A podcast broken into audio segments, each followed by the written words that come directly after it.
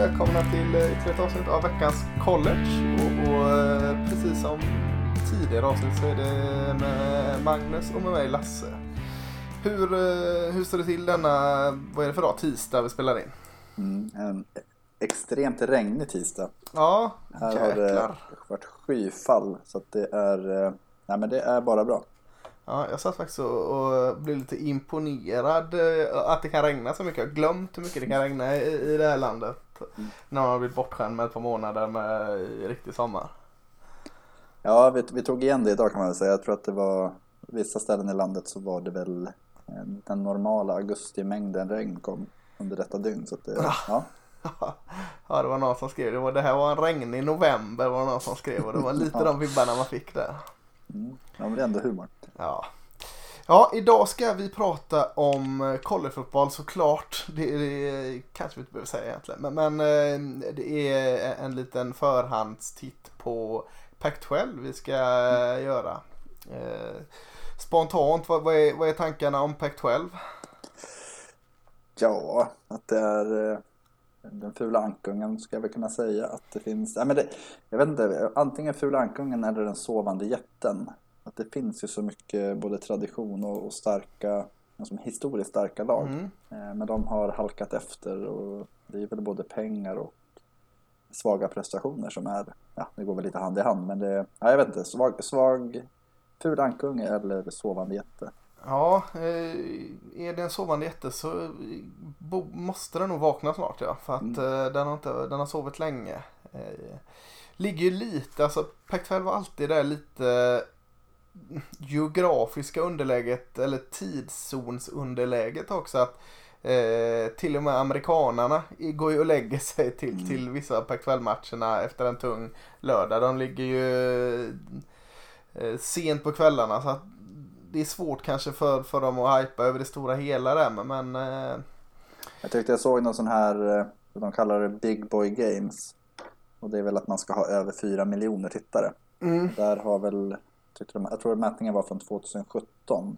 Då hade Alabama haft 35 sådana matcher. Hela Pac-12 har haft fyra. Alltså Ja. fyra, fyra matcher där lag från Pac-12 har varit med. Ja och de har ju Jag gissar testat. att det är, ja, men jag gissar att det är typ så här USC, Alabama för några år sedan. då. Ja men precis, USC Notre Dame eh, Mm. får väl också lite sådana och kanske Stanford Notre Dame. Men de har ju testat lite så här med att lägga dem eh, obskyrt tidigt. Är det nio på morgonen när match har Mm. spelats och, och sånt. Eh, eh, det känns väl kanske inte så roligt för dem som ska vara där och tailgata och eh, eller så är det det om man får någon sån per år kanske det blir en, en happening men Det känns som två dagars i alla fall. Ja, lite så. ja, precis. Eh, Innan vi, vi eh, sätter tänderna ytterligare i Pac-12 så eh, de här försäsongsrankingarna har rullat ut. Det är APs eh, Associated Press Top 25 och det är coaches poll eller ja, coachernas ranking då. Och eh, i toppskiktet där så är det inte så mycket som skiljer. Det är Alabama, Oklahoma, Clemson och Ohio State på den ena. Och det är Alabama, Clemson, Oklahoma och Ohio State på den andra där. Så det är Clemson och Oklahoma, de, de eh, bråkar nog lite där. Mm. Eh, om, vilken, vilken poll gillar du mest Magnus? Gillar du APs eller coaches? Så går vi efter den. Ja, men jag gillar nog AP mest för att det brukar ju vara fler, alltså coaches poll tycker jag ofta är, jag vet inte, det, det känns som att de skickar in samma varje år. Jag tycker AP brukar vara lite mer, Precis. APs är lite roligare här i år Ja. också. För att om, om vi kollar på coaches poll så har Alabama då som är rankad detta fått 63 av 65 röster Mm. att eh, sluta etta. Eh, Oklahoma har fått de andra två. Eh, Lincoln Riley och någon till som. Ja, precis. Och, och eh, i AP så är det lite mer. Alabama 47, Oklahoma 6, Clemson 6, Ohio State 1, Georgia 3. Så att, Mm. ja, det är lite mer spridda skurar där. Så, så om, om, men om vi kollar APs topp 25 där så sa vi Alabama, Oklahoma, Clemson, Ohio State topp 4. Det är, ju, det är ju de lagen vi har pratat om där uppe eh, med lite rotation på ett femte lag som, som byts ut något år. Eh, Så det kanske inte är så mycket att eh, haka upp oss på. Eh, när vi hade vårt SEC-avsnitt för eh, några veckor sedan så flaggade både du och jag för Georgia som hade potential att till och med vinna SEC. Mm. Eh, de stod precis utanför och knackar in det. Kan man ändå förstå. Eller i en försäsong här, de, de får ju bevisa sig först lite innan de ska upp och, och dansa va? Absolut, men sen kan man väl lägga till att det skiljer ju mindre mellan, alltså, på AP så skiljer det väl, väl 30, 29 poäng mellan Mm. Georgia och Ohio State. Eh, Och det skiljer över 140 poäng mellan Georgia och sjätte laget. Så Ja, det är precis. ju liksom Big Five skulle jag väl säga. Absolut. Sjätte laget i Texas A&M där också SEC. Sen i sjunde laget är ju som aldrig har varit rankade så högt i- inför en säsong. Det är Iowa State. Eh, Mm. Och åttonde laget Cincinnati som jag utan att ha kollat historieböckerna också säger aldrig varit rankat så högt. Så det är två eh, alltså, historiskt mindre program som ligger där. Det, det är ju anmärkningsvärt och, och såklart roligt. Mm. Jag tänkte lite på det, jag undrar om det har, alltså förra året var ju väldigt speciellt och att de Ja. här homogena lagbyggena tjänade nog en del på det. Så att de, eh, jag tycker man ser det på en del andra ställen också, att de som har haft hyfsat kontinuitet ligger ju kvar där. Mm. Sen, vi, har vi pratar om Iowa State, Matt Campbell och eh, de är ju värda där, värda Ja. att ha den positionen. Precis. Eh, andra mindre program då i, finns också representerade här. Du har Coastal Carolina på 22 plats och Louisiana på 23 plats eh, efter två eh, eller efter fina säsonger där. Eh, ändå roligt liksom när vi får in dem här. Mm. Eh, något har du eh, listan framför dig innan jag ställer jobbig fråga om listan? Det har jag. Bra. Eh, är det något lag på den här listan, nu rabblar vi inte 1 till 25 här, så eh, är det något lag på den här listan som du tycker eh, ligger för högt? Eh, om, om du får ett lag som du vill putta ner lite? Ja, jag tänkte att Florida är ett sånt lag som jag skulle kunna tänka mig. Alltså Jag vet inte. 13 rankade Florida där. Ja. Eh, Men jag, jag väljer ändå 16 rank, rankade LSU som jag tycker... Jag vet inte vad de riktigt... Alltså, Nej.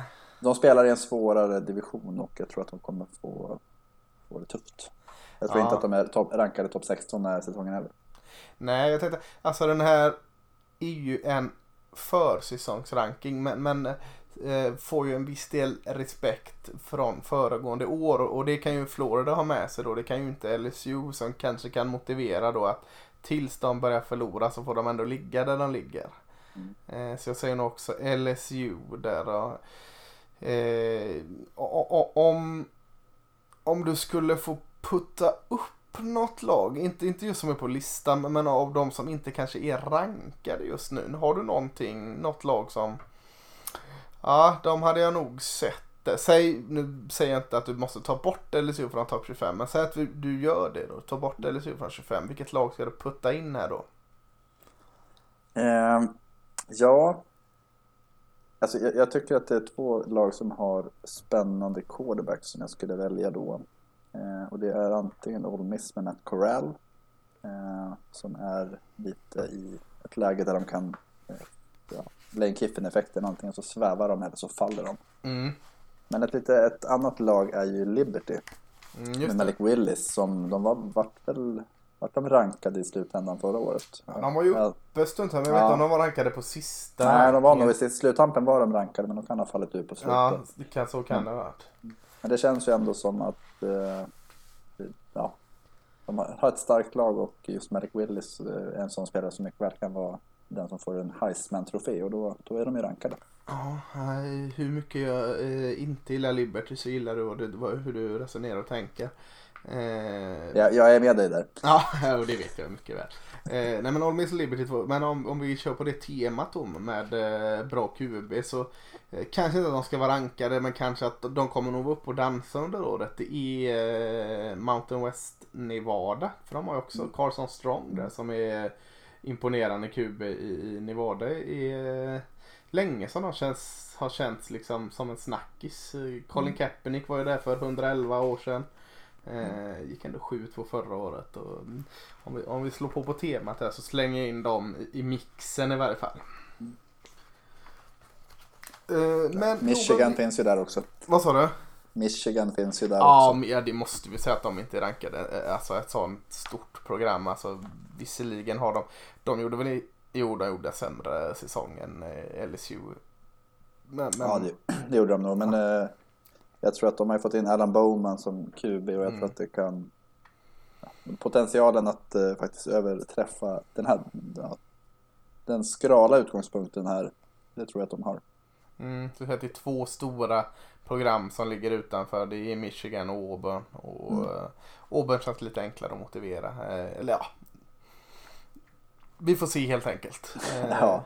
Är... En sista, sista punkt här på, på själva rankingen. Mm. Om man tar APS så har ju eh, vi har ju SEC, vi har Big 12, vi har ACC, vi har Big 10, de fyra första.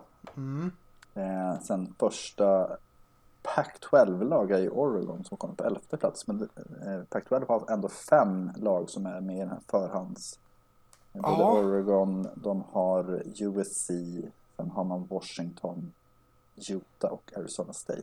Ja, Och det säger väl ändå lite... Lite på Ja. nåder där, 24 och 25 rankade. Men ja, de är ändå med. Absolut. Mm. Men det säger ändå någonting om att toppen finns inte just nu. Däremot så finns det ju många lag som eh, har potentialen att sticka ut. Mm, precis. Pratar jag om en sån här superkollision här nu mellan eh, eh, ACC, Pac-12, Big 12 och Big 10 va? Jag tyckte alltså att Mm. vad, Big 10 ska in där och göra vet jag inte riktigt men, men eh, det är den här snackisen eh, som vi har den röda tråden om konferensskiften. Men eh, ja, det är mycket som snackas nu så det, det, det låter vi kanske vara oberört egentligen. Ja, Men Pac-12 då. Eh, jämna eh, Pac-12, jätten som sover. Ask, eh, den fula ask... Nej, den fula askungen. Den fula ankungen. Askungen var ju la grann höll jag på att säga. Men... eh, inte i styrmoderns öga. Nej, eh, kanske blir behandlad som Askungen igen eh, ibland, eh, Pac-12. Och, och ehm, ja, Pac-12 i alla fall eh, uppdelad i, i två konferenser, den norra och den södra. Och den var ju ohyggligt eh, eh, spretig och rörig och Ja, inte alls Hackig. trevlig förra året för att eh, Pac-12 var väl de som skötte det här covid sämst eller bäst eller hur man vill säga. Det var i alla fall de som inte fick ut en produkt på plan. Eh, vissa lag spelade sex matcher, andra lag spelade fyra matcher och, och ställdes in finalen. Sen fick någon lämna återbud till så att eh, Och de gjorde det väl lite, nej men de gjorde det väl lite utifrån eh, alltså reaktivt ledarskap också. Att Big Ten var väl de första som ställde faktiskt, vi skjuter upp. mm, Eh, och då hakar Pac-12 på för de tänkte att det blir nog bra. mm, Eh, men sen Big Ten kom ju igång och hade ju en tanke med hur de skulle göra om de kommer igång. Det- Pac-12 var ju verkligen det, de, de scramblade ju. Ja, eh, det var ingen alls bra plan där. Hur blev det till slut? Det var eh, Oregon som till slut vann mot USC i, i finalen där. Och, och, men det var väl Washington som skulle ha spelat den egentligen men ställde in. Mm. Eh, så ja, en stor asterisk kring, förra årets säsong där. Så att vi behöver inte gå igenom hela, hela. Man kan väl säga så här att eh, Washington vann ju norra och spelade fyra matcher. Oregon State kom fyra och spelade sju matcher. Ja, precis. Eh, och, och ändå vann. Ja, eh, precis. Eh, ja, nej, nej det, det, det går inte att dra några liksom bra analyser eller hänga upp sig på hur det gick där. Utan vi lägger den bakom oss. Det, det känns så mycket bättre. Men ska vi börja i, i norra divisionen. Eh, där har du Washington, Stanford, Oregon, Oregon State, Cal och Washington State. Eh, om jag säger att jag saknar kanske det där riktiga dominerande laget i den men eh, det kan vara lite jämna fighter ändå. Vad, vad, vad är din första när du bara kollar på eh, norra divisionen? Ja, nej men jag håller med att det är, det är liksom mellanmjölk över det och det, så är ju de flesta eh, vad ska man säga, divisioner vid något tillfälle. Sen kommer vi ha lag som sticker ut och då handlar det om att liksom hitta dem om man nu, nu vill gissa sig till. Men sen så tycker jag också att det är, jag vet inte, det, det känns som att det finns ingen tydlig prägel heller. Att det är många av de här lagen som har ändrats eh, relativt mycket på kort tid. Ja, jag håller med helt. Ja. Så det, jag, så här, Vi kommer ja, nog nej. in lite mer på det sen när vi pratar lag för lag här. Mm. Att det kanske kan ha någon faktor. Men, men eh, om vi börjar då nerifrån här. Vi tycker inte alltid exakt lika men vi brukar eh, hålla lagen ungefär i de faggorna. Om jag säger att det är ett bottenskikt på Oregon State och Washington State så är du med mig där va? Det, Eh, och så får du sätta vilket vi ska börja med, alltså nerifrån här. nej men vi börjar väl med, med eh, Washington State då, Ja, vi börjar med. Washington State. Det, det, det kan vi göra. De, de eh, sa hej då till eh, Mike Leach och eh, sa, för visst var det första året förra året för eh, Nick Rolovic. Rolovic ja. Ja. Eh, och det gick ju inte så bra. Och, och eh, vad har vi att säga om Rolovic? Eh, inte så mycket mm, hurra hurra va? Nej, han är ju lite, lite mini Mike Leach. Ja. Han var till exempel den enda tränaren som inte deltog under deras mediadagar utan han körde på ja, via Teams eller digitalt. Ja, det var, de hade väl vaccinationskrav eller masskrav eller något sånt där och det ville inte han gå med på. Så att han är ju lite konservativ när det kommer till det och det är ju de spelare som är kvar från Leach-tiden är ju vana vid en ja, jag vet inte om Leach är så konservativ på det sättet men eh, en, en tränare som följer sin övertygelse om man säger så. Eh, Ja. Man kan Men ju vara konservativ utan någon politisk touch på det konservativa. Så att, Ja. eh, och, det, och det kanske man kan säga om Mike Leach. Men det blir ju mer run and shoot som Rolovic anfall kallas då. Det är väl lite skillnad mot eh, Leachs air raid. Mm, det är det ju. Och, eh, offensiven eh, funkar väl inte så som det har varit passglatt under Leach och det var väl det som funkade bäst passspelet. Men, men Mm. ingenting liksom att skriva hem om. Och, eh, förra året var ju eh, deras duktiga running back Max Borgi. Han valde att sitta ut, alltså stå över. Han är Mm. tillbaka och det, det blir ju nyckelspelare direkt där. För de har tagit in från eh, Tennessee eh, quarterbacken Jarrett Gorantano som visserligen inte har fått sådär supermycket hjälp av den här röriga coachkarusellen i Tennessee. Men det är ju inte så mycket som har imponerat när man har sett honom va? Nej, det tycker Eh. jag inte. Nej. Stadig linje har de och Washington State ändå kan jag tänka mig. Abraham Lucas, tacken kan nog vara fin.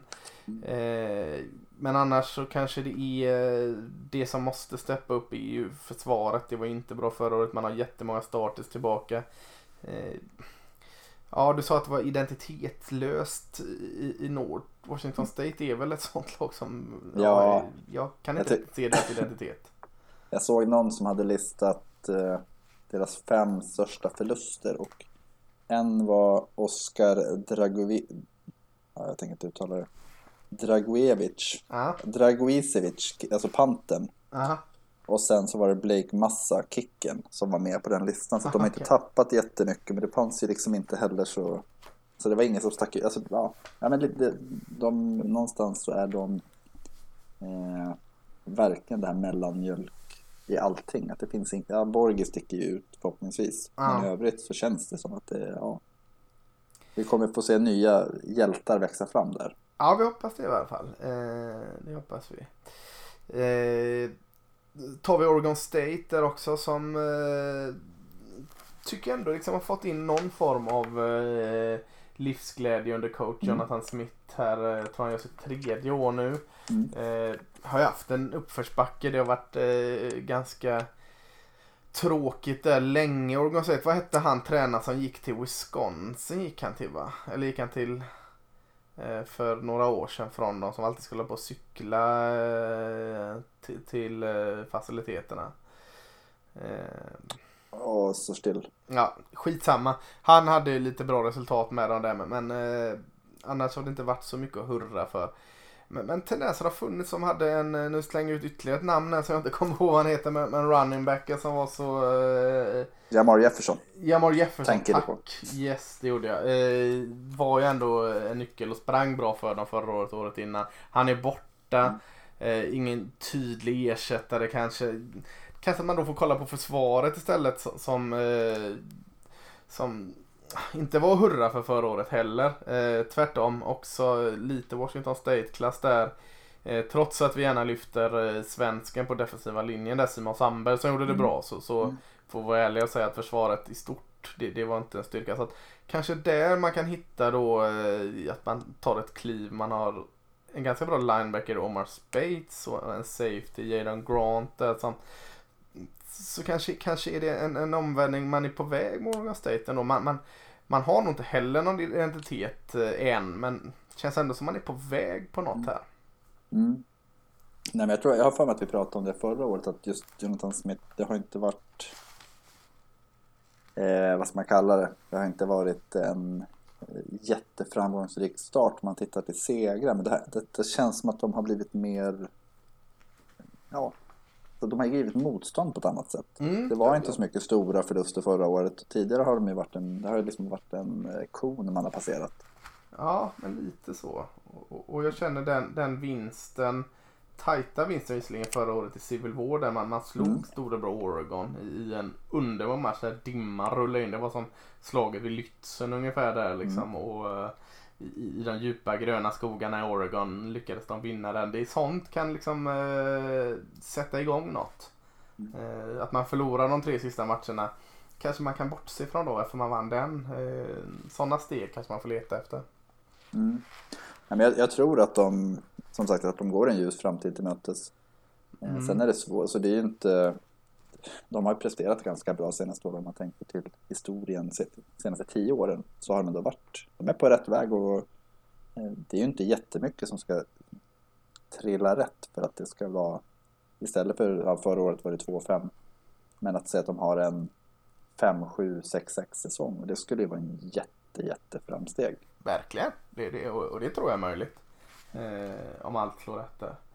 Eh, om vi säger att i Washington State och Oregon State var botten två så sätter vi mitten två här. Eh, Stanford och Cal, alltså två San Francisco eller i alla fall Bay Area-lag.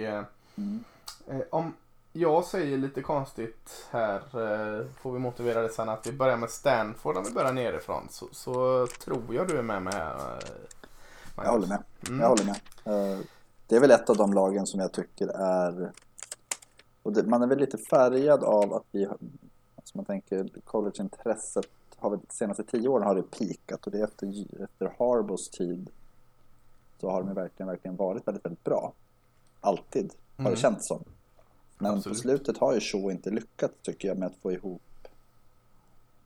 Alltså, när var det Bryce Love sprang sönder och samman när de var nära på ett slutspel? Det kanske var fyra år sedan, tre år Fyra sedan. år sedan. Ja, Ja. Och innan det var det McCaffrey som eh, Ja. var magisk. Men på slutet har de varit bleka. Ja, eh, de har ju en, om vi ska prata om Bryce Love och McCaffrey som är running back så har de ju kanske det som är nyckeln då. eh, Austin Jones som ser bra Mm. ut där men, men jag vet inte, de, de har också alltid haft en stark offensiv linje. Jag ser inte dem kanske riktigt där. Man har alltid haft en spännande QB. Eh, ser inte om, det är Tanner Magi eller vem det är som startar. Jag ser inte det heller riktigt. Och skulle läggas till det att, att eh, du sa det de senaste, eller sen, sen har var coach där så har Stanford varit, varit dominer, inte dominerande men, men ett eh, presterande lag eh, nästan varje säsong. Det kanske egentligen är mer överraskande än vart man är nu för, för det är ohyggligt svårt med deras akademiska krav att få dit liksom eh, vem som helst. Eh, de har väl att varje spelare ska minst ha 4,0 i snitt, visst är det så? Ja. Eh, och det, det är nog massa tillägg utöver det. Så att Stanford som är, är en som kräver mycket akademiskt av sina spelare också gör att det blir inte samma stora damm att fiska i. Nej, verkligen inte. Det det är väl Notre Dame som är att jämföra egentligen. De tror jag har lite, har inte de 3,5? Jo, och så, men jag tror liksom 4,0 är bara en grej. Sen ska du uppfylla en rad Mm. andra akademiska kriterier i Stanford också som gör att eh, och sen tummas ju på det. Det gör det på alla. Det, det kan man inte liksom sticka under stolen med. Men eh, i mångt och mycket är det, är det betydligt tuffare att, att komma in och spela i Stanford än vad det är säg, i eh, Arizona State. Ja, eller Alabama. Eller Alabama, precis. Eh, men, men eh, ja, vi kanske saknar identitet här också. Eh, Alltså, om, du, om jag säger så här. Vet du vart de... Det här, vi pratar ju om McCaffrey, pra- pratar om Bryce Love. Vet du vart de rankade i springspel förra året? Spontant trodde jag att det var styrka men när du säger det så så är det ju antagligen lågt då. Mm. Eh, 93 i landet. Ja det är ju jättedåligt. Mm. De brukar ju vara topp 20, alltså Ja, ja absolut. topp 10 till och med. Ja, ja, det är ju ja, bedrövligt rätt sagt. Så, Mm. nej, den identiteten måste de nog hitta tillbaka till. Och det Mm. underlättar ju då kanske för quarterbacken också. Mm. Eh, och Abs- försvaret med långa drives. Ja, och förra året hade de ändå Davis Mills som, eh, ja, vare sig du eller jag var väl en superfan av honom, men i NFLs, NFL som, som talang så sågs han ju som någonting spännande. Mm. Absolut. Ja, nej, vi får se vart, vart de tar, tar vägen. Mm. Eh, sätta ett frågetecken på dem är väl eh, stort. Frågetecken med Men jag tror att fjärde plats tror jag att det är, där kommer vi nog finna dem i slutet. Ja. Eh, Så då, och det är de nog inte riktigt nöjda på. Stanford med, med mer smak från senaste åren siktar nog på lite mer. Eh, Det tror jag. Vad sa du? Ja, det tror jag. Ja. Cal. Eh, lite sådär lever i, i mellanskiktet här mellan de stora lagen och de, de eh, eller de eh, mer favoritrankade lagen och de eh, nederlag eller de undertippade lagen. Eh, ligger där i mellanskiktet och eh, ja, hade kanske inte den bästa säsongen förra året. Offensiven klickade inte alls eh, på någonting. Försvaret såg helt okej ut. Eh, vad har vi Cal i år? Nej, men som du sa, att de vann ju en match, det var Oregon, de, och det var 5 december. Mm. Eh, eh, gick 1-3. Men sen var det förluster. Oregon State med fyra poäng, Stanford med en poäng. Eh, första matchen var mot UCLA, då torskade de med, Mm. ja, det var nog ja, tre, fyra scores i alla fall. Ja.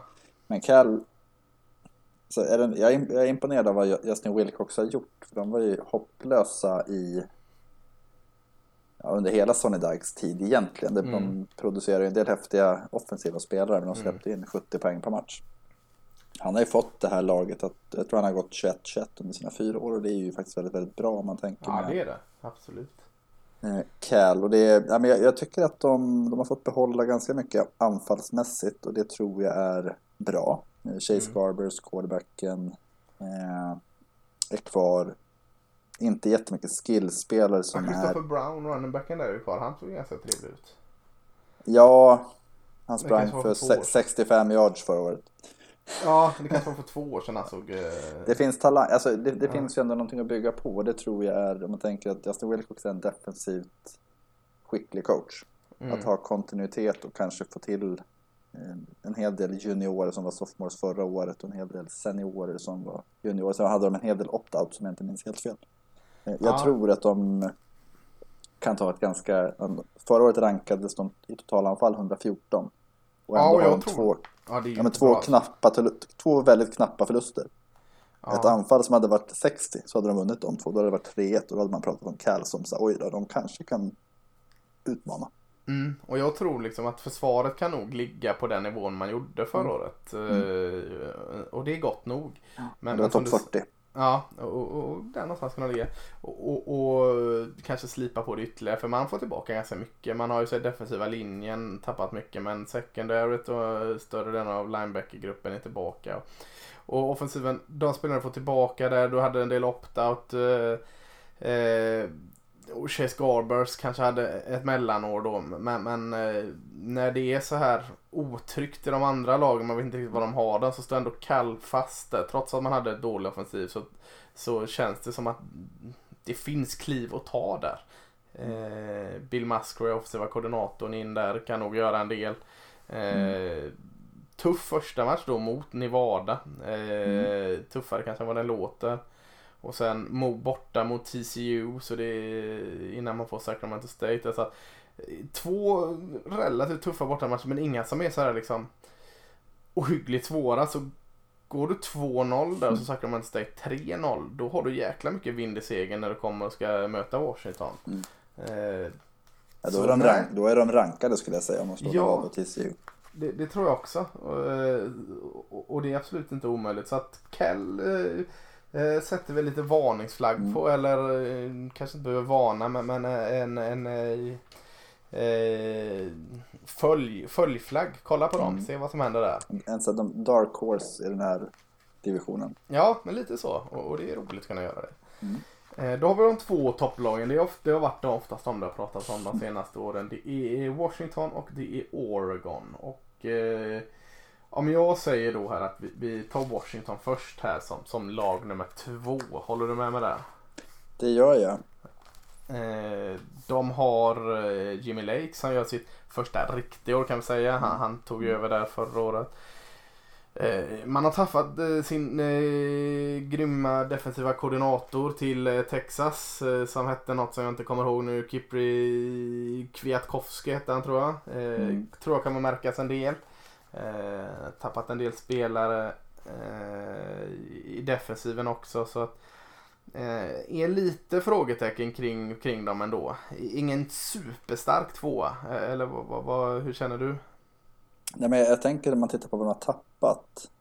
Så är det, men du nämner Elijah Molden. Eller honom nämnde du inte, men från Nej. försvaret så är Ja. han borta. Och en hel del i liksom, secondary och, och så. Sen är det som, ja, annars har de ju det mesta. Alltså receiversidan är ju tom. Ja, de har ju Kate Otten då, Tyrenden som Ja. är bra där liksom. Han är bra. De Mm. tappade i Ty Jones och vad heter han, Nakau. Ja. Nakao, ja just det, tappade han, just det. Ja. Men det var ju ändå inte... Jag, jag tror att anfallsmässigt tror jag att de kan vara, prestera på ungefär samma nivå. Då var de men, övre hälften i alla fall i, i, collegefotbollen. Och defensivt så hoppa, alltså Lake har ju förmågan att eh, bygga försvar. Mm. Eller det får vi väl se. Mm. Men Washington överlag har, han har ju varit en del av den processen under lång tid. Så jag tror, alltså ja, jag vet inte. Jag, det här är väl också, om man tänker att Cal är Dark Horsen så tror jag väl att Washington kan vara den här där man som slår sig för pannan och säger så här, men fan det borde man ju ha fattat. Ja, lite så. För att jag tänker också, jag tänker eh, försvaret. De har Edo van, eh, vad heter han, Olofoshi, Olofosio, eh, edge rushen där och du har Trent McDuffie som ändå liksom kan eh, vara ledaren bak i planen, konen där. Och så, och så har du ändå Dylan Morris som eh, han gjorde på, på något sätt ingen kanonsäsong förra året. Eh, men eh, han gav ändå lite smak och såg att han kan nog utvecklas lite. Så Mm. att eh, eh, de är nog inte där riktigt än. Det är lite för många frågetecken. Men eh, jag tror du säger liksom som att när man summerar säsongen och de har gjort, ligger 11-1 så säger man ja, fan varför såg man inte det komma? Ja, precis. precis. Och man, man får ju ta det i relation till att de andra lagen är ju inte heller några kompletta byggen. Som Nej, man, precis. Eh, och en tacksam match tänker jag. Montana börjar de hemma. Sen eh, borta mot Michigan. Eh, ett Michigan som kanske får upp ångan men inte redan match två känner inte jag att de får upp ångan. Och det är ändå en sån här en stor match att vinna så det kanske är ett Mm. tacksamt läge att ha dem där. Eh, och sen Arkansas State som visserligen hade en del bra förra året men ska inte vara några problem. Så, så det kan också vara en tacksam start. Eh, Jag tänker att både, om man tänker den matchen just mot Michigan, så tänker nog både bägge de här två lagen att det är ganska skönt att möta ett på pappret bra lag som kanske man inte riktigt vet vad man har. Nej. Eh, Nej kommer- men så, så är det nog. Båda Man kommer få en skjuts upp i rankingen och det kanske, säg att Michigan är skräp, Ja. så kommer det inte märkas förrän efter ett tag och då kommer de ligga och ha befäst sin plats. Liksom. Att jag, de har ju, om man tänker Montana, sen Michigan borta, sen är Arkansas State, Cal hemma, Oregon State borta, UCLA hemma. Eh, Washington kan mycket väl vara 6-0 och ha på papp- ett par på pappret fina vinster. ja, absolut. Absolut. De har ju det spöket och eh, nu blev den inställd förra året men de har ju förbaskat svårt att slå dem. Vi ska precis prata om en sånt Oregon. Mm. Oregon har ju Washingtons nummer. Eh, vilket eh, kan vara nödvändigt att, att, att bryta det spöket. Eh, men ska, ska vi gå över till Oregon? Eh, Mm. Som ändå sätter som etta tills något annat har bevisat. Tills vi slår oss i pannan och säger att Washington gick 11-1. Vad, vad, eh, vad säger, säger man Washington? De, de har rekryterat bra. Mario. Cristobal. Eh, ja förlåt Oregon. De har rekryterat bra de sista åren. Mario Cristobal gör det bra. Man har in en ny offensiv koordinator, Joe Moorhead, eh, som inte lyckades riktigt som huvudtränare men har ju varit duktig på offensiva sidan av bollen tidigare. Så att Mm. eh, eh, Finns det något spännande med Oregon trots allt? Ja, jo det gör det ju. Kayvon Thibodeau eh, kan mycket väl vara ja, beroende på vilket lag som väljer först så kan han vara en draft 1 om ett år. Ja, just det. Eh, Edge rushen där. I, Precis. I ett försvar som har, alltså de har ju ofta en förmåga att eh, attrahera skickliga spelare dit. De har ju tappat en del där med. Mm. Eh, Men det känns som att de alltid är liksom lite i fas, att de har rätt typ av secondary har ju försvunnit en hel del från inför i år. Men det Mm. känns ändå som att de har kvar ganska mycket bra. Ja, Michael Wright där, cornern, Ja. är ju fin. Och så, Och Jamal Hill som är ja, deras Mm. nyckelstar. jag tror han åkte väl dit nu. Han är, och, eh, han blev borta? arresterad tror jag, Jamal Hill. Eh, av någon sån här soft air gun historia. Ja, ja, men då spelar han om en, han avstängde en halvlek. Ja, lite så.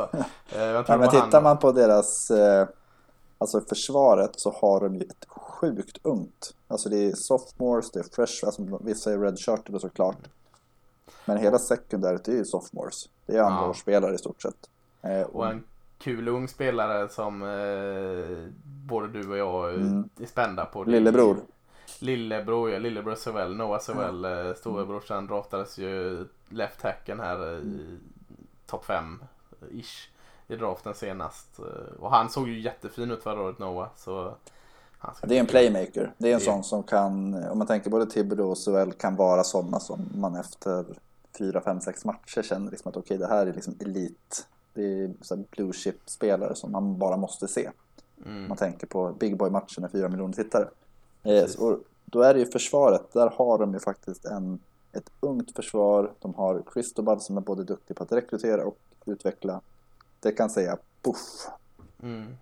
Du nämnde något, vi har pratat om Pack eh, innan du var här och eh, som jag tycker är intressant. Eh, Vad hette han, store biffen uppe i mitten? Scott va? Jordan Scott. Jordan Scott och de, de tappade ju även Austin Faolio. Två stora pjäser där i mitten som gjorde det ganska tungt att springa mot dem.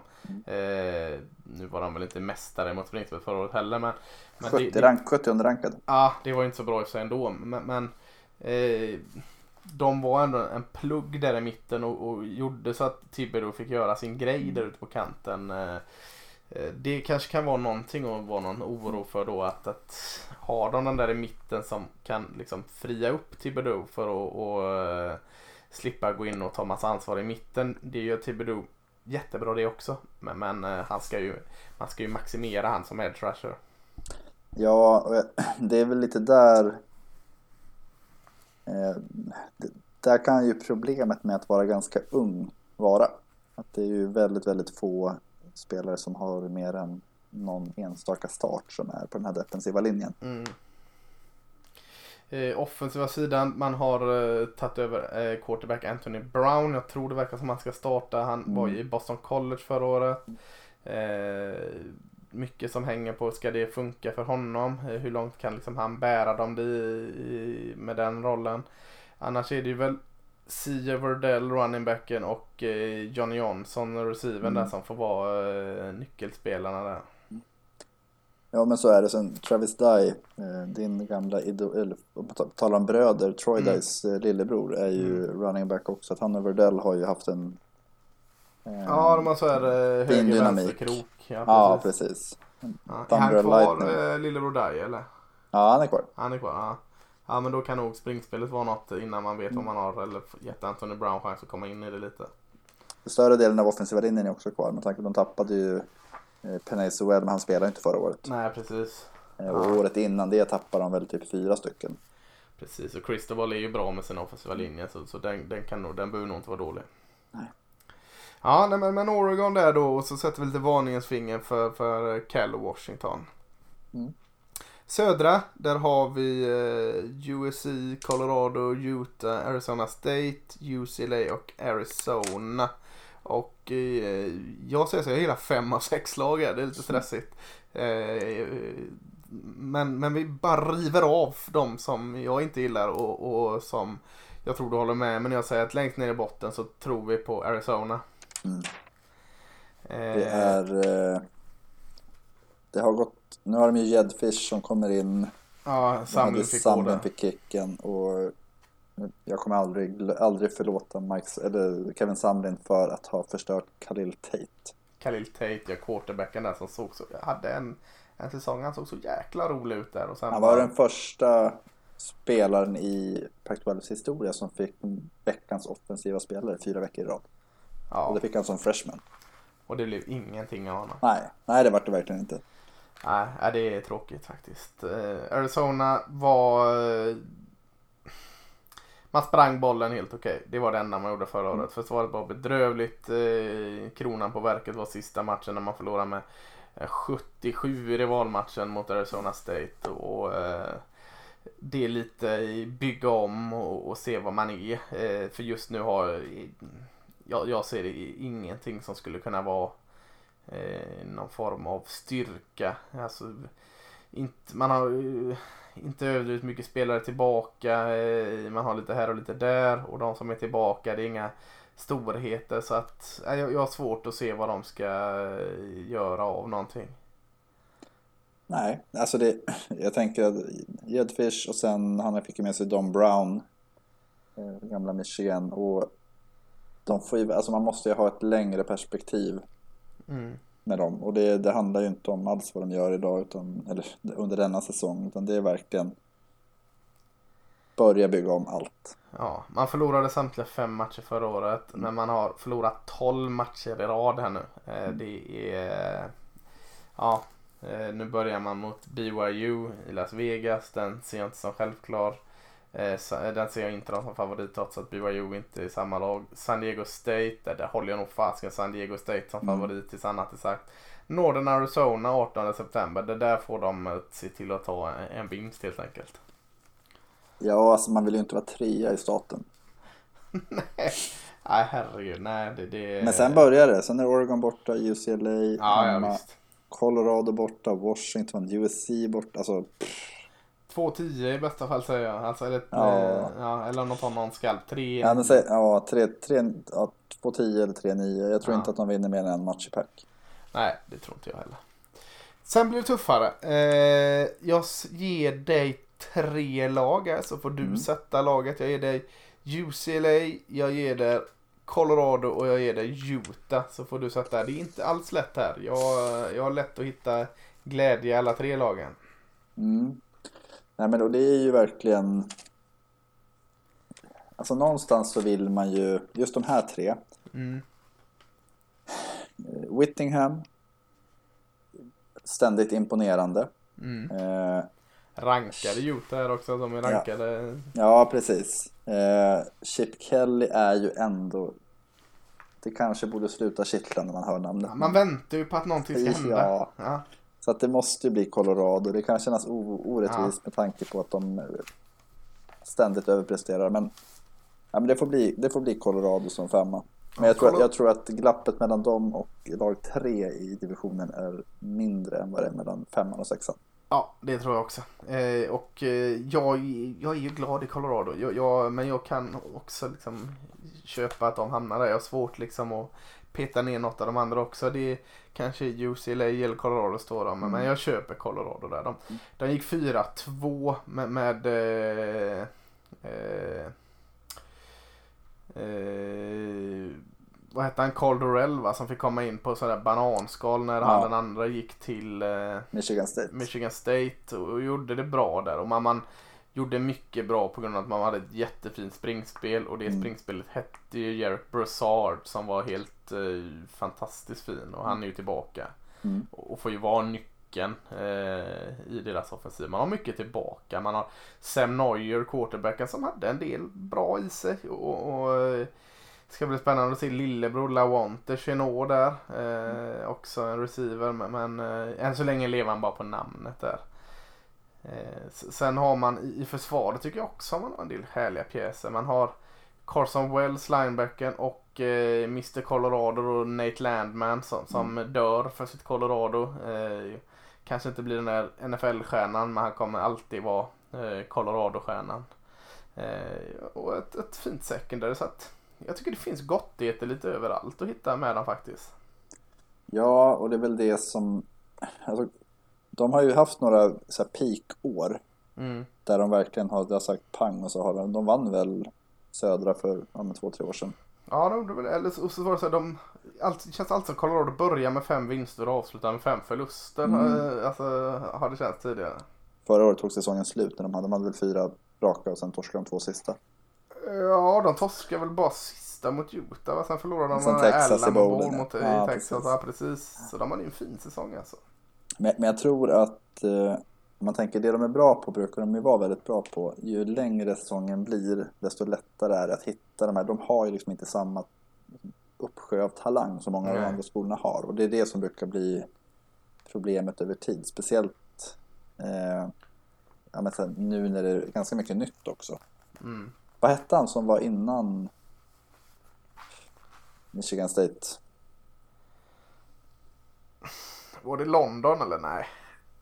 Nej, han var ju Virginia. Virginia. Ja. Kan fan ihåg vad det var nu. Eh, Ja, de hade ju hyfsad kontinuitet ändå. Ja, absolut. Känns Ja, väl också var- lite... Ja, Mel Tucker hette Michigan Mel State. som Tucker, just det. Mm. Eh, nej men det, det ja. Eh, Alltså de kan mycket väl överraska för de har den, alltså de har ju som du säger Broussard och de har Landman och de har den här typen av spelare som kan göra skillnad. Ja. Men det kan ju lika gärna vara botten ur. Ja, jag tänker också det. Alltså, förra året så eh, kanske de snikade lite för att ingen trodde alls på Colorado. Kanske inte... eh, Kanske lagen möter dem med lite större respekt i år och inte liksom eh, tar lite för lätt på den matchen. Det kanske, de, de kan inte slå i underläge på samma sätt i år. Det kanske talar lite mot dem. Mm. Eh, ja men UCLA då med, med Chip Kelly som, som vi väntar på att det ska bli den här Chip Kelly-grejen. UCLA med, med Jordan Yenmarki som, som flyttade Mm. från Notre Dame. Eh, lär vi garanterat få se starttid trots att Mm. det är en av styrkorna i UCLA i år med, med, med linebackarna. De har väl, eh, vad heter han, Contrast Knight som har den här perfekta Yenmarkita-rollen som, som Mm. Rover där. Eh, är ju bra Calvert och Johnson.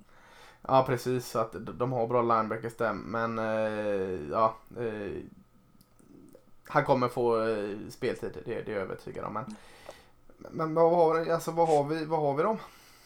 Alltså de har ju nio starters tillbaks i anfallet och de har nio starters tillbaks i försvaret. Och det här är väl, ja vi får kalla det för, de spelade visserligen sju matcher förra året men vi får säga att det är Chip Kellys tredje riktiga år. Ja, och nu är det, hans klass här lite som, som börjar liksom. Ja men exakt, att det förra året försvann ju lite och de eh, Många av de spelare som är tänkta att starta är ju juniorer eller seniorer i, i mångt och mycket.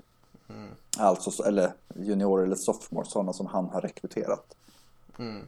Eh, och det, det ska bli, alltså jag är ju väldigt, väldigt spänd på att se vad de klarar av. Att han har ju eh, Dorian Thompson Robinson som jag vet att du gillar. Han, han har ju, jag vet inte vad jag har jag tycker han är nej han, han har bra stunder och han har sämre stunder. Han springer ju bra i alla fall känns det som. Alltså, och så gör han inte det nästa stund. Eller eh, kanske inte det han gör. Jag, jag, eh, jag har... Eh, han springer mycket kanske mer än bra. Alltså mer i sidled och eh, lite som Pat Mahomes i Super Bowl där han får liksom springa sig ur panik. hela tiden. Överlevnadsinstinkt. Ja men precis. Eh, eh, De var ju jäkligt bra offensivt förra året. eh, eh, 21 UCLA. är ju Men- total. Vad sa du? 21 totalt. Ja det är ju faktiskt jäkligt bra. Och, och eh, för mig att springspelen var grejen. Men nu, mm, vad hette han min gamla favorit i UCLA? eh, Running back snedstreck receiver. Var det fullt? Felton. Ja Felton hette han just det. är ju inte kvar tyvärr så att eh, det kommer vara stort tapp. Men annars hela offensiva linjen tillbaka. Left second där Sean Ryan eh, ganska bra. Receiven Kyle Phillips kan nog vara eh, en bra och eh, en joker på Dorian Mm. Thompson Robertson då får vi säga. Mm. Då har vi, ska vi säga Utah. Mm. För sen har vi, eller vill du säga Arizona State? Vi har Nej. Utah, Arizona State och USC kvar här. Vil- Vilka vill du riva av som tredje lag? Jag- tycker att, jag tycker att det är Utah som är Ja. Och framförallt så handlar det om att de har, de har också ganska mycket tillbaks men det är ju deras producerande spelare som är borta. Ja, men lite så känns det va. Eh, försvaret är väl eh, som vanligt eh, det man tänker är grejen med dem. Med eh, linebacker, duon där, Seville och Lloyd eh, som, som får något hjärta och man har eh, kompakt defensiv linje. Corners tillbaka. Försvaret känns där liksom. Det, det behöver inte skruva och pyssla så mycket med det va. Nej, nej och där har vi verkligen att han, Whittingham har varit där i 5000 år så att, Ja, ungefär. Det- Om det räcker. ja, nej, nej men det, han vet vad han vill, han vet vad han har och bygger långsiktigt och det, det brukar inte slå fel. Sen har de ju Charlie Brewer, eh, ny tight som kommer från Baylor. Eh, Som har varit produktiv. QB. Har, vad sa du? Ny QB. Ja precis Eh, och han har väl, han är, kommer ju sätta i 10 000 passade yards totalt ganska snabbt. Jag tror han är Mm. 300 yards ifrån eller något. Mm. Man har en kul tight som blommade ut i förra året, Brant Cutie. Eh, Sen är det väl lite mer problem då du sa tappade nyckelspelare, running back och receivers där som, det är lite frågetecken kring. Men jag kan se att det kan vara eh, som vanligt med Utah. Att man är lite sådär, ja vi sätter de här triggarna någonstans och utmanar toppen. Och så sen fasiken är de där inne i sista matchen och slåss om divisionstiteln. Mm. Mm, Nej men de, det är, de är läskiga. Alltså, det kan aldrig vara skönt att ha Utah som nästa match tänker jag. Du kan aldrig liksom så veta. Du kan aldrig riktigt känna att det här, här tar vi segern. nej och sen just att de har ju den här, alltså, och jag tror att mycket är Whittinghams ledarstil och liksom långsiktighet. Att de har ju alltid någonting de är bra på och det kan skifta från år till år men att det, vi kommer, tre matcher in kommer vi se att de Utah är väldigt bra på det här. Mm. Det var ju när de hade han Snoopy. Eh, Ja, de här Florida. eh, Ja, men han, han är ju Ravens nu, Huntley. Mm. Just det. Eh, och sen en fin running back. Och de, det var liksom, de byggde ett anfall som var jäkligt svårt att möta. Åren innan det så var det ett försvar som var på samma sätt med Ja. aggressiva corners och hela den biten. Och, ja, de kommer vara jättebra på någonting och det kommer motståndarna behöva klara av att slå. Precis. Eh, många har satt, eh, eller många, en del har satt Arizona State som vinnare i, i södra divisionen. Det låter ju roligt eh, Mm. såklart. Vi gillar ju Arizona State och vi gillar Herm Edwards som coach där. Eh, men vi sätter dem som tvåa va? Ja, Eh, vi, lite, lite så får det vara. vi lär oss aldrig. Nej, de, de har ju en, en, eh, en grym offensiv eh, duo i, i quarterbacken Jaden Daniels och eh, Rashard White. Båda sprang fenomenalt bra. Daniels passade väl helt okej. Eh, Mm. Eller ja, passade bra också. Jaden Daniels känns som en spännande QB. Eh, De spelar ju bara fyra matcher i år, eller Ja. förra året och det han hade ju, ja kanske inte världens bästa procent Nej, Men han hade ändå fem touchdowns och endast en interception. Så det, det finns ju... och det känns ju som något bra att bygga på. Han är Ja, verkligen. Han är ung så att... Ja. Och Rashard White som, som eh, var jäkla imponerande eh, förra året. Så, eh, running backen. Så där har du kuggen. Men det är inte heller så mycket bakom dem eh, i offensiven. Det är de två liksom. Du har Mm. eh, en orutinerad receivergrupp. Du har en, en offensiv linje som ah, man kan varken säga bu eller bä om den känner jag. Så att, och, och i försvaret är det väl betydligt mer tror i stort sett med något undantag alla starters är tillbaka där det kanske hände att någon som satt på bänken förra året har gått om i det försvaret men det är de här tunga namnen. Man har Jermaine Lowley eller jag lär mig aldrig man uttalar hans efternamn.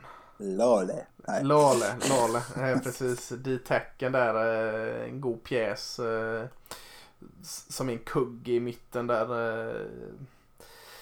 Men försvaret såg sig sådär ut förra året. Så, eh, men med alla starters tillbaka så mm, Mm. det, det är klart spännande. Och jag, jag, jag, just om vi går- återgår till offensiva, en snabbis bara. Dels så Ja. har de ju Andrew Johnson, en freshman, han är väl redshirt. Eh, Ja, just det. bara ett bra namn. Ja. Ett namn som, men sen har de en kille som heter Elijah Bad, Badger. Alltså som- grävling. Ja, precis. Ja, ja exakt. Elijah Grävling. Eh, han eh, var väl, så Herm Edwards pratade om honom förra året, att det var den som stack ut mest på träning. Problemet var att han var inte, och då kan du tänka dig, vi hade väl Arizona State som exempel till varför Stanford har hög, eh, så skillnaden med höga betyg, att han var inte akademiskt tillgänglig förra året. Han hade liksom för dåliga betyg egentligen. De behöll honom ändå, han var med och tränade, Ja. fick inte spela matcher. Nu har han pluggat upp sina betyg på något sätt, jag vet inte hur. Eh, och ska vara tillgänglig och det är en sån som Herm Edwards pratat om i ett års tid. Och det, Ja, det ska bli spännande. För han vet ju vad han pratar om. Han har ju Ja, han har haft, eh, de har ju haft eh, en Kid Harry, Frank Darby och company som Ja. senaste åren. Så att, eh, det är en sån som jag, just den här ungdomligheten i deras receivergrupp behöver inte vara något negativt för många har ju varit där i två år. Ja, precis. Nej, nej, jag håller med. Det, det, är, det kan nog vara något som exploderar där som vi inte vet om. Det kan vara en av dem då. Etta, eh, USC eh, som eh, förlorade Pac-12-finalen. Man vann samtliga andra matcher men man förlorade mot Oregon där i Pac-12-finalen. Och eh, eh, Clay Helton är fortfarande kvar där. Eh, vi är lite skeptiska. Man har fått in en ny defensiv koordinator i, Todd Orlando från, från eh, Texas. Och man har en, en kul offensiv koordinator i Graham Harrell. Mm. Nästa head coach. Ja, tycker vi båda. Men, men mycket av, eh, av eller mycket, men en stor anledning att både du och jag är lite förtjusta i USC i år i stavas ju Caden Slowis quarterbacken. Mm. mm. Det är ju alltså X-faktorn här och han har ju blivit bättre. Förra året så hade han ju eh, mindre ned än vad han hade året innan. Att då var det ju mycket mer upp och ner. Förra året tycker jag han hade en jämnhet. Mm. Eh, och det är jag ju väldigt, väldigt nyfiken på att se hur han fortsätter. Han tappar ju en del, eh, både Amon Rassant Brown och eh, Tyler Wauns som var eh, viktiga targets för honom. Men jag, jag tror, alltså det, det blir liksom nästa steg för den här kuben att faktiskt gå in och visa att ja, men jag gör receivers bra. Och lyckas han i år, han har ju han har ju kvar Drake London Ja, Drake London är fin som fansken. Ja. och sen så är det lite un- ungdomlighet där bakom. De fick ju, Brew McCoy kom väl tillbaks från Texas efter det det. eh, äventyret som var, han var väl rank, rankad som högsta receiver i rekryteringsklassen 2020 om jag inte minns fel. Mm. Eh, och valde att ja, flytta hem till LA igen och det är också en så, han, han har ju talang runt sig, det har jag alltid. Men just att kan han ta det steget så tror jag att Slovis kommer, eh, både hans, eh, både USC kommer tjäna på det men även hans draftstatus kommer tjäna väldigt mycket på det. Ja. USC som då gått över mer från att vara ett springande powerhouse till att vara lite mer air raid hållet till i sin offensiv. Eh, skulle ju vara skönt att få lite hjälp av Slowis av sina running backs. Man har eh, Malapay och så har man Keontae Ingram från, från Texas. Eh, som kanske kan dela på det lite och, och, och lasta av där. Eh, Mm. För jag tror det är offensiven som får vara grejen. Eh, för att om vi pratar om identitetlöshet i Pac-12 så kanske jag vill säga det om USCs försvar som inte riktigt eh, ger mig den trygga känsla som det brukar. Jag, jag, gillar verkligen mycket edge rushen Drake Jackson där men annars så är det av alla de här polyneserna så, så vet jag inte vem jag liksom ska lyfta upp som, som jag ser jag ser inte riktigt styrkan i försvaret.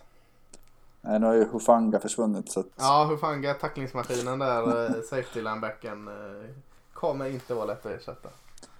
Nej, nej men jag- alltså, jag tänkte att typ Det är samma, de har ju alltid talang. Oftast brukar de vara lite för Jag vet inte, lite, de väger lite för lätt. Ja. Det är liksom den Men förra året hade de ett försvar som var rätt bra. Topp 40. Ja, och de 40. har ju båda kanske den här. Drake Jackson, Nick eh, Figueroa. Figueroa, ja, eh, precis. Är ju sig Och inside linebackerna, hela den gruppen är ju Mm. typ kvar. kanske secondary så jag varit besviken Mm. på det sista som jag är lite rädd för. Och där är de lite yngre. Så att, eh, Ja. nej men det, och det känns ju ändå som att nu har de ett anfall som jag tror kommer kunna tillåta att de släpper lite poäng i början. Då är det ju bara hur snabbt kan Todd Orlando få fason och utveckla spelarna. Mm. Jag tänker eh, man börjar mot San Jose State, sen har man Stanford, sen har man Washington State, sen har man Oregon State, sen har man Colorado. Eh, 5-0 där borde man ha när man går in och möter Utah. Eh, sen har man visserligen Notre Dame borta men man, man slipper i år både Oregon och Washington från eh, norra divisionen Mm. där. Så eh, ah, det, det finns alltså eh, det finns kän- 12-0 känsla tycker jag det finns. Ja, eh, Det är Clay Helton som skulle kunna hålla tillbaka dem. ja. Nej, men sen har de har ju tuffa matcher. Alltså jag tycker Colorado borta, Arizona State borta, Notre Dame borta och Cal borta. Ja. Där, jag tror inte att de vinner alla de fyra. Det tror jag inte. Nej, nej, men, Eh. nej det, jag, jag, men, men jag, det är fasiken Det finns en möjlighet. Det är en, Ja. en, eller sannolikhet. Det enda laget som rankas högre än dem är då eh, Notre, Notre Dame. Dame. Ja. Eh, och eh, de ska vi väl prata om någon gång eftersom de är independent. Men, men där finns det också absolut frågetecken eh, kring Notre Dame i år. Så att eh, Cadence Lewis kan bära dem. Kan han bära dem till 12-0 med eh, Pac-12 historia där alla slår alla och sätter käppar i hjulen för varandra. det är väl lite Så det som känns- kanske spökar. så känns det inte rimligt. Men, men eh, fasken, man gick 5-0 innan bollmatchen förra året. Eh, eh, ja, jag, jag har sett lite varningens finger för USC ändå. Eh, En sån stor, anrik historisk skola också.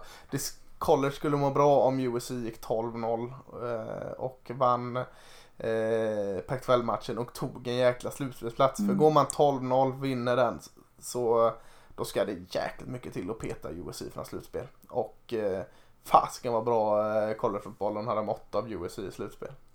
Verkligen, och de har ju ett spelschema som faktiskt tillåter dem att eh, få de här eh, prestigesegrarna. Att Du har Stanford, du har ju Notre Dame borta. Plus som vi nämnde när vi pratade om rankingen att det är fyra andra lag som är rankade och då på förhand. Så Mm. sägas. Men att det du kommer ha de här segrarna som faktiskt sticker ut. Precis. Jämför man typ så här Clemson som inte kommer ha någon sån som sticker ut. In, Nej, alltså inom konferensen. Precis så är det. Eh, Ja, nej men då- har vi det. Vi- tror då USC Oregon i, i Pac-12-final. Mm. Vad, vilka tippar du?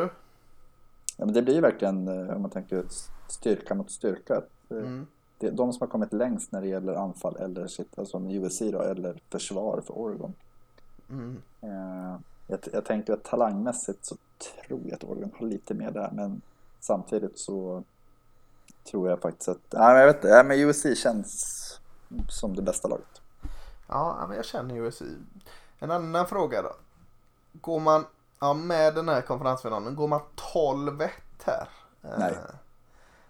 Inget slutspel då? Nej. Nej. Ja, det är fan tufft alltså.